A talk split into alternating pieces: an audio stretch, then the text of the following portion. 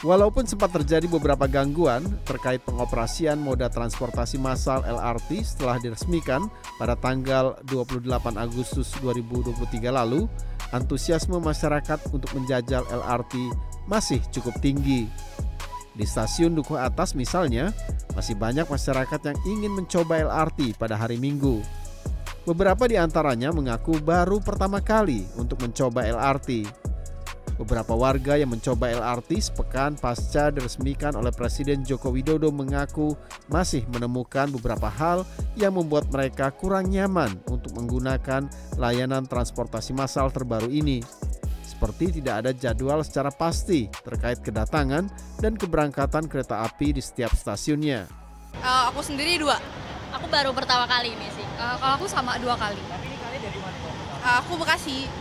Sama, dekat rumahnya. Uh, kalau aku dari Halim. Nah ini gimana experience kalian naik LRT?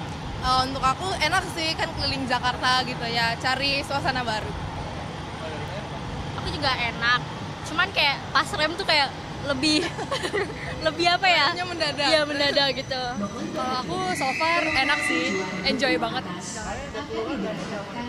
Oh untuk aku, uh, especially buat yang orang luar Jakarta ya, itu tuh uh, belum ada jadwal yang pastinya gitu loh. Jadi kita cuma patokin di yang sebelah sana aja.